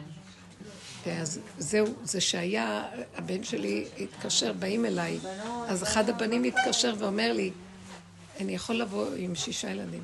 אבוא אליכם כבר ביום חמישי בלילה, אפשר? ואני על הגבול שלי, שאני יכולה עוד לעשות הרבה דברים בלילה, ביום חמישי, שישי בבוקר. ועכשיו אם יבואו המשפחה, אז צריך יהיה לטפל במשפחה, בייחוד שהם אה, מפורקים, ההורים. ואז אמרתי לו בהתחלה, אוי, אולי לא, תראה, אני לא יודעת, אני לא יודעת, ו... נראה, אני אגיד לך. ואחרי שראיתי מה שהוא עשה לי, עם ה... הוא מוטט אותי. ואז ראיתי, למה את לא רוצה שהם יבואו? כי אני רוצה שליטה, שיגיעו והכל יהיה בדיוק מושלם. ואז תרפי, את ראית, למדת מפה, מה אכפת לך? זו סיבה שאני שולח, שיבואו, שיתפרק, שלא ייראה, שיהיה מה שיהיה. תעשי מה שאת יכולה, ואל תחפשי שלמות. מאוד מאוד לימד אותי, ואז התקשרתי אליו ואמרתי לו, ראיתי שזו הייתה סיבה שכן יבואו. אמרתי לעצמי, למה? כי אני צריכה להכיל אותם עוד שתי ארוחות, חוץ מהחג. זה גם אה, את הערב שהם באים, וגם במשך היום, יום שישי. פסח נורא קשה להאכיל ילדים. איך אני אאכיל אותם? מה אני אתן להם? מה אני אתן להם, תגידו לי? פירה. לילדים כאילו? כן, בערב, נשחוט להם כמה זה הרבה. דגים ובשר פתאום אמרתי, אני אבזבז עליהם גם תרנגולות. אבל אפשר לעשות לפני פסח שניצלים עם אה, עם, אה, עם החמצה בצהריים. לא. אין לי כוח לעמוד ולטגן. כלום. מה שאפשר לזרוק, לשים. אצלנו עושים סיר ענק של ירקות חתוכים, כל הירקות. כל הירקות. את יודעת מה זה לחתוך ירקות? אבל אני לא אוכלת אורז. בלי אורז. זה תבשיל כזה, ירקות. וקצת עוף אולי, כן, זה לא. משביע. אז אני חושבת שאני אקח כמה תרנגולות. ומה למחרת? זה בערב, בבוקר. בצהריים. וואי, אצלנו אורז למחרת. מה את מאכילה? אורז, אורז אדום כזה. אורז בפסח. מה, טירקית? כן. לא. טירקית. כי אוכלים אחרי שבועיים שלא אוכלים. מתי להמשיך לתת? עוד פעם, אני לא שומעת. אני אומרת, כמה כבר אפשר עוד לתת, כל הזמן לתת ולתת. לילדים. את יודעת משהו? להרפות, להרפות, ו- ו- ו- ולשמור לגוף שלנו, לשמור למה שאנחנו יכולים ולא יכולים. אז אי אפשר כל הזמן רק לחשוב עליהם שאנחנו צריכים לתת להם ומה לא ומה לתת להם. הגיע הזמן שהם צריכים כבר לדאוג לעצמם, הם ילדים, הם בטח גם נכדים, אז למה אני צריכה גם לדאוג? באמת. הבת שלי בלי עין הרם עשר ילדים, היא חיתנה בן, נולד להם תינוק, אז עכשיו היא אומרת, אם את מזמינה אותי, תזמיני גם את הבן שלי וגם את אשתו. אמרתי לה, תשמע, אז מה? אז זה לא נגמר. אז תשמעי, זה לא נגמר. אז כמה את יכולה כבר, אה, איך שאומרים, אה, להזמין, עד מתי את יכולה להזמין וכמה את יכולה לך? רק את יודעת. כן. גם אני יוצא לי לחשוב. אבל יש, אני גם לא גומרת עם זה, גם את עוד מזמינה אותה, מזמינה אותה ומזמינה. עד מתי? עד מתי? באמת, עד הוא מתי? הזמין את עצמו, היא לא הזמינה אותו. זה לא הוא הזמין, זה... תקשיבי, לא. אני גם, בדיוק. זה לא, בדיוק, הוא רצה לעזור מה. שאני רואה, זה. זה נכון, גם אני עובר, עוברות עליי מחשבות כאלה, כי אני, אצלנו כל הזמן באים, ברוך השם. ואז ראיתי, מה, עד מתי? כי זה מ- מאמץ וזה הרבה טרחה. ואז ראיתי שאני צריכה לקחת אותם כסיבה לשחרר.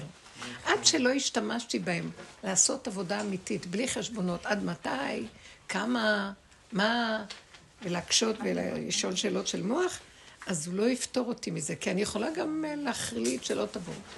אבל אז זה בא מהמוח, ואז אנחנו נשאר בבדידות, ואז יהיה נרגנות, למה לא באים, ואני מסכנה, ולא באים אליי. אנחנו רוצים גילוי השם, וכשבא השם בתוך המציאות, אז אני, הוא אומר לי, אני לא מגלה את עצמי עלייך עד שאת לא מביאה לי קורבן. מהו הקורבן? תעלי אליי את המוח הזה, ששואל ומקשה ומתמרמר, ותגידי לו, אבל זה המוח הטבעי. ואתה יכול לספק בידי הכל, וזה מה שראיתי עם ה... שהוא אמר לי, אם את לא תהיי בגבול, את תסבלי. ואז יבוא המוח, תשאלי שאלות, ואז תחליטי החלטות, ואז תצטערי על ההחלטות אחר כך. אז תכניסי אותי לתמונה. איך? על ידי זה שתסבלי. מה הכוונה תסבלי אותם? בואו נגיד לכם מה זה לסבול. זה לא לסבול במרירות, זה להוריד את הראש למחשבות האלה, לא לתת להם מקום, ולהגיד, זה לא שלי, זה שלך. בגלל זה הרמתי לו טלפון ואמרתי, תגיע. אמרתי, תגידי, את שפויה? מה את רוצה, שליטה? מה את רוצה? זה העולם של השם, והעולם של השם זה תוהו ובוהו. תוהו ובוהו. תהיי בתוהו ובוהו, תזרקי, אבל אין לך חלק בתוהו ובוהו, זה לא שלך, כי ברגע שזה שלי, אני לא יכולה, אני לא יכולה, אני לא יכולה. אכפת לך תוהו ובוהו, ואת רק הולכת ככה, תקשיבו. אני מכירה אנשים מהחצר של רב אושר שהם ממש שנים איתו, אני רואה את התוהו ובוהו שהם נמצאים. אה, הם לא שואלים שאלות, מי שבא, בא, מי שהולך, הולך. אה, משאירים, משאירים, עוזרים, עוזרים. אין מרירות, אין כלום, איך שזה ככה. אז יכולים גם להשאיר את הכלים וללכת לישון. אז מחר עושים.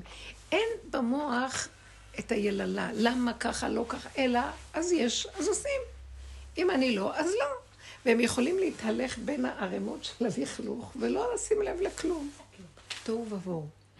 כן, זה... ואני נהניתי מהמקום הזה. כשאני, אה, בטבעי, יש לי רצון לניקיון שליטה, סדר, גם לי, זה קשה. וזה קשה למי שיש לו את ההפוך. יש כאלה שזה טבעם. אבל אני ראיתי שהם מרפים את המוח של הביקורת, של המשמעות, של הנרגנות, מרירות, והם זורמים עם מה שיש ברפיון. מבינה אותי? אם לא נגענו בזה והלכנו ככה, את לא יכולה לוותר. ולהגיד, טוב, אני לא אזמין אותם, כמה אני יכולה, כי זה דרך הטבע לחשוב ככה. וראיתי שהוא הוא מביא לי הרבה פחד שאני לא אשאר לבד בטבע, מזדקנים, נשארים לבד. כאילו הוא אומר לי, מה? הילדים מביאים המון שמחה. נכון. יש בהם משהו משמח. נכון שזה טרחה. לא מצליחים לחשוב לידם. ואני אמרתי לעצמי, נכון שאת גם רוצה, אבל כל השבוע את יכולה להיות לבד. כשהם באים בשבתות וחגים, אז זה הזמן שלהם. אז שחררי שם, שחררי. הייתי הולכת שהם היו באים. והם היו זורקים את הצעצועים. הדור של היום, זה לא נורמלי. איפה שבא להם מניחים, מניחים, מניחים. ואני הייתי הולכת ואוספת, כדי שכל הזמן עושה סדר. אוספת את הבובות, אוספת את הצעצועים. ואמרתי לעצמי, תראי איך את נראית, האימהות יושבות, הן לגמרי שפוכות, אין להן שום כוח. ואת, הרבנית, כל הזמן אוספת ומסדרת. מה זה? כאילו הסתכלתי על עצמי וראיתי שזה שיגעון השליטה. והשיהיה מסודר, זה נובע מהרצון לשליטה, גדלות. שנים של התבוננות ועבודה מהרבה שנים. עד שלמדתי לשחרר. למדתי לשחרר ולהתהלך בין הטיפות, ועכשיו שאמרתי לו, לא, אל תבוא, כי ישר חשבנתי, מה הם יבואו, אז יהיה בלאגן. ואז אלה שיבואו גם כן ימצאו בית מבולגן, ואז... מה אכפת לך? מה אכפת לך מהם? מה ימצאו, לא ימצאו? מה אכפת לך? תהני מהרגע, תהני מהנכדים הרגע. תהני מהכל הרגע. אני שמה לב שאני לא נהנית כשיש את החשבונות. כי אני רוצה שליטה, אני כל הזמן מסדרת, אני כל הזמן... תן לי, למה הילדים נהנים? עובדת גם 200 פעם. 200 פעם, והילדים נהנים, ולא אכפת להם כלום, ואת לא יודעת לשבת וליהנות. למה? תהני, מה אכפת לך? אני זוכרת שבעלי היה אומר לי, אני אפנה, עד כמה מהר, עד כמה הרבה. ולא יכולתי לוותר על זה. אני כאילו רוצה שליטה תנועתית. והיום אני רואה, נכון, הוא צדק. זה גם זריזות כזאת.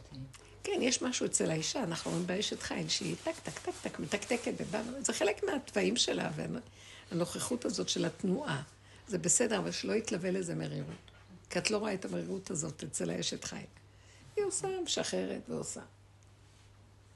אני מאוד, אנחנו צריכים לעבוד על הדברים האלה, שחררו. תנו לבורא להיכנס. זה השיעור שאני אומרת, אנחנו הולכים להיות איתו בליל הסדר בפסח, שיש גילוי שלו. אמנם הוא בחושך ובהסתרה עד שזה מתגלה, אבל יש uh, גילוי.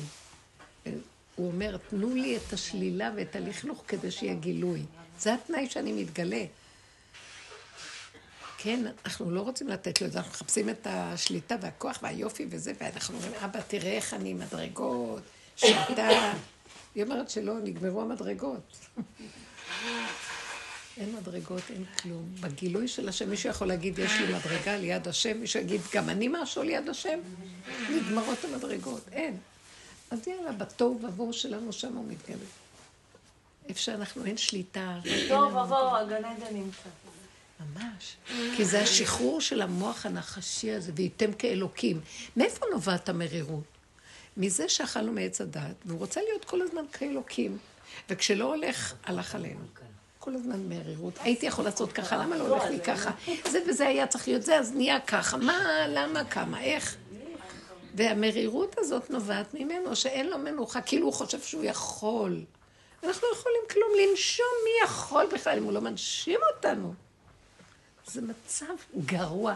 אנחנו לא קולטים. הדרך הזאת שמה פנס בחורים ובסדקים, שממש כמו זמן החמץ, שאנחנו לא קולטים איפה אנחנו חיים. טיפה של כעס, רוגז, מרירות, זה סימן של אגו. זה סימן שיש לי מה להגיד לו. טוב, אני מצדיק את זה, כי אנחנו חיים בספרייה של סור מרע ועשה טוב, אז אני מצדיקה את הדגל של הספרייה. אבל הוא אומר, כשאני מתגלה נסגרות הספריות, ואין לא טוב ולא רע, אני מערבב את הכל. אצלי הטוב זה לא כל טוב שלכם, והרע זה לא הרע שלכם. אין לי טוב ורע כמוכם. לא מחשבותיי מחשבותיכם. אז בואו תתחילו לחוות איפה שאני נמצא כדי לחוות אותי. אם לא, ולא יהיה לנו את הכלים לחוות, שלא נכין את הכלי הזה של הריק והשחרור, אז זה יהיה כמו פצצת אטום. זה יהיה חבלו של משיח, ייסורים. ככה אמרו. יתה ולא אחמיני. תנאים לא רצו להיות בדור הזה. כי הם אמרו, אם אין כלים, אי אפשר לעמוד במצב של... כי באמת, תוהו ובוהו נכנס לבריאה, אתם לא רואים? כן. תוהו ובוהו, אבל אם אין כלים... אנשים, אני אומרת לכם, אני קשורה עם הרבה אנשים מתקשרים אליי. יש לי שיחות, אני קולטת אנשים על סף שיגעון, על סף ייאוש, דיכאון. אני, יש לי כמה אנשים, בנות שאני מטפלת בהן, הן על הרצף האובדני. אני אומרת לכם, צעירים, יפה, צעירה, אין שום סיבה. משכילה, בית עשיר, הכל. את לא עושה לה סוויץ' ככה ברגע? אה? לא, יש ואת מצליחה לעשות שלא, אני לא רוצה להביא אותה. לזה, אבל היא נאחזת. כן. בשכל היא שכלית, והיא נאחזת בשכל שמצדיק את המקום. מה יש פה בחיים, היא אומרת. אמרתי לה, הגעת למקום נכון שהשאלה שואלת, אבל את לא צריכה להישאר שם. זה חיים שלו ולא שלנו. את חושבת שהם שלך, אז את מחליטה החלטה. אם אין כאן מה, אז בוא נצלח. אמרתי לה, זה לא שלנו פה כלום. אבל אני גם מזהה שיש מקום שאני כבר לא יכולה אפילו לדבר, צריכים תרופות. זה לא נכנס. אני אומרת לכם, יש רובדים לא פשוטים שלא היום. כמה אנחנו צריכים להגיד תודה על הדרך. כי יש לנו גם רגעים כאלה. מה, אין לי רגעים כאלה? כן, אבל אבל- אחרי רגע אני אומרת, כלום. לסגור ואין כלום. אני גם לא כל דבר צוללת. אני לא כל דבר כן, צוללת. כי יש דברים שזה מפחיד אותי לצלול. זה דברים של מחשבה ועומק, אבל אם זה משהו בטבע, תחושות, אני יכולה כן. אבל מחשבות קודרות, נורא מסוכן. להזיז, לא היה ולא נברא. אבל אם בן אדם מגיע לייאוש מסוים שהוא מנסה, מנסה והוא לא מצליח, אני הגעתי לפסח הזה, במצב שאמרתי, תקשיבי, למה את נלחמת? השם סגר עלייך, עשה לך עיקולים, עשה לך זה, זה. אז הבנתי שאת יכולה לאכול, באמת, אני אומרת את האמת, לא מתוך קטע אובדני, בקטע של באמת אני נהנית בפסח, אני לא אוהבת בשר, אני באמת אומרת, את, גם תהני ממצות, מלאכול מצות, כתוצאה מוציא, ואז יש לנו את המצה השמועה, שתייה חמה, זהו, אז לבד עכשיו. אז אמרתי, אני נהנית מזה, אבל רגע, יש לך ילדים. הם צריכים את הבשר. אבל עשיתי את ההפרדה הזאת. אבל זה כבר החשבונות של אחד אבל אני. הגעתי לזה, למקום הזה מתוך ייאוש, את מבינה? אבל הגעתי ואז גם טוב, לנקודה. את באה לשיעורים וזה מאוד עוזר לך. הבנת? כי את חושבת שהעולם שלך. כי אז את שואלת שאלות, כי העולם של... העולם לא שלנו. בא חג הפסח, תעשי מה שצריך. תאכלי מצה, את נהנית מצה ותה, תאכלי מצה ותה. הילדים נהנים מבשר, תעשי בשר. אבל זה בא מתוך מקום של ייאוש, זה לא מתוך מקום של ישבתי עכשיו, וואי, איזה כיף. את שומעת מה שאת אומרת עכשיו? את הולכת על הייאוש או על הכיף. וזה מה שדיברנו. מהייאוש, הגעתי למקום שבאמת... בדיוק, לא זה ולא זה. אנחנו מדברים על גולם שככה זה וזהו זה, אין לו מה להגיד, אין לו מחשבה, אין לו הרגשה, עושה וזהו. רגע שאני נכנסת במחשבה ובהרגשה, וואי וואי. אני מלך העולם כאשר אני לא מסוגל להכיל כלום. אז אה, זה ייסורים, זה כאבים, אי אפשר להכיל. זה דמיון היכול. הרבנית, נוסעת ממנו? כן. כבר עבר את הזמן. אה, כן? באמת? וואו, כמה זמן, אני כיף לי להיות איתכם. אני נהנה, אבל גם הן צריכות להגיע למירון. בוא נגיד, אם אמרנו... תשבו על הכיסא ותספרו להם מה את מה המאורחות. הייתם אומרות לי עכשיו, אני אשאל אתכם.